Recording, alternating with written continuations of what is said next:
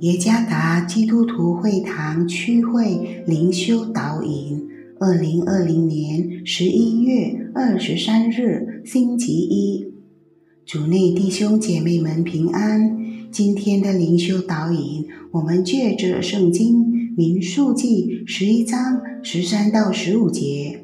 然后三十一节到三十三节来思想今天的主题：心怀感恩取代了怨言。作者谢新荣弟兄。民数记十一章十三到十五节：我从哪里得肉给这百姓吃呢？他们都向我哭嚎说：“你给我们肉吃吧。”管理这百姓的责任太重了，我独自担当不起。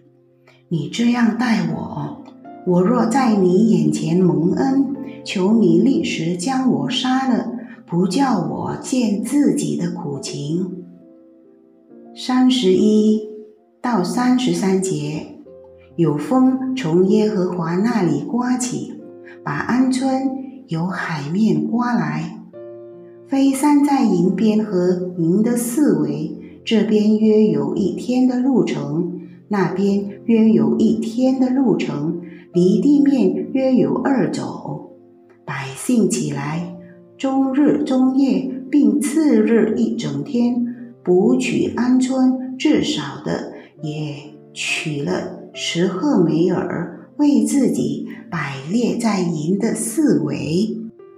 肉在他们牙齿之间尚未嚼烂，耶和华的怒气就向他们发作，用最重的灾殃击杀杀了他们。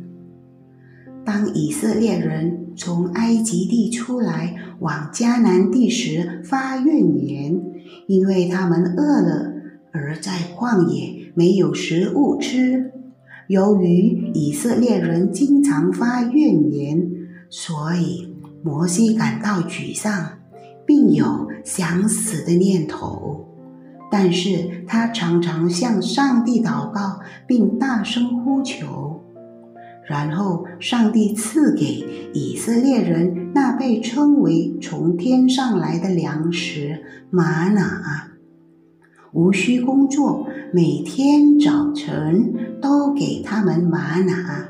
但是他们必须每天收取，因为如果取多了，留到隔天，玛瑙会腐坏和发臭。除了第六天，他们必须收取两天的需要，因为第七天是安息日，以色列人不可以在安息日做工。如果我们和以色列人一样，每天得到玛瑙，将会有怎么样的态度？之后，以色列人感到满足吗？显然不是。在我们刚才所阅读的经文中，他们大起贪欲的心，又在发怨言。有了玛瑙还不够，他们还要有肉吃。最后。上帝给了鹌鹑布散在以色列人的营四围，他们捕取后，肉在他们牙齿之间尚未嚼烂，上帝的怒气就向他们发作，用最重的灾殃击杀了他们。我们有经常向上帝祈求吗？你是否已经为上帝所赐的一切献上感恩？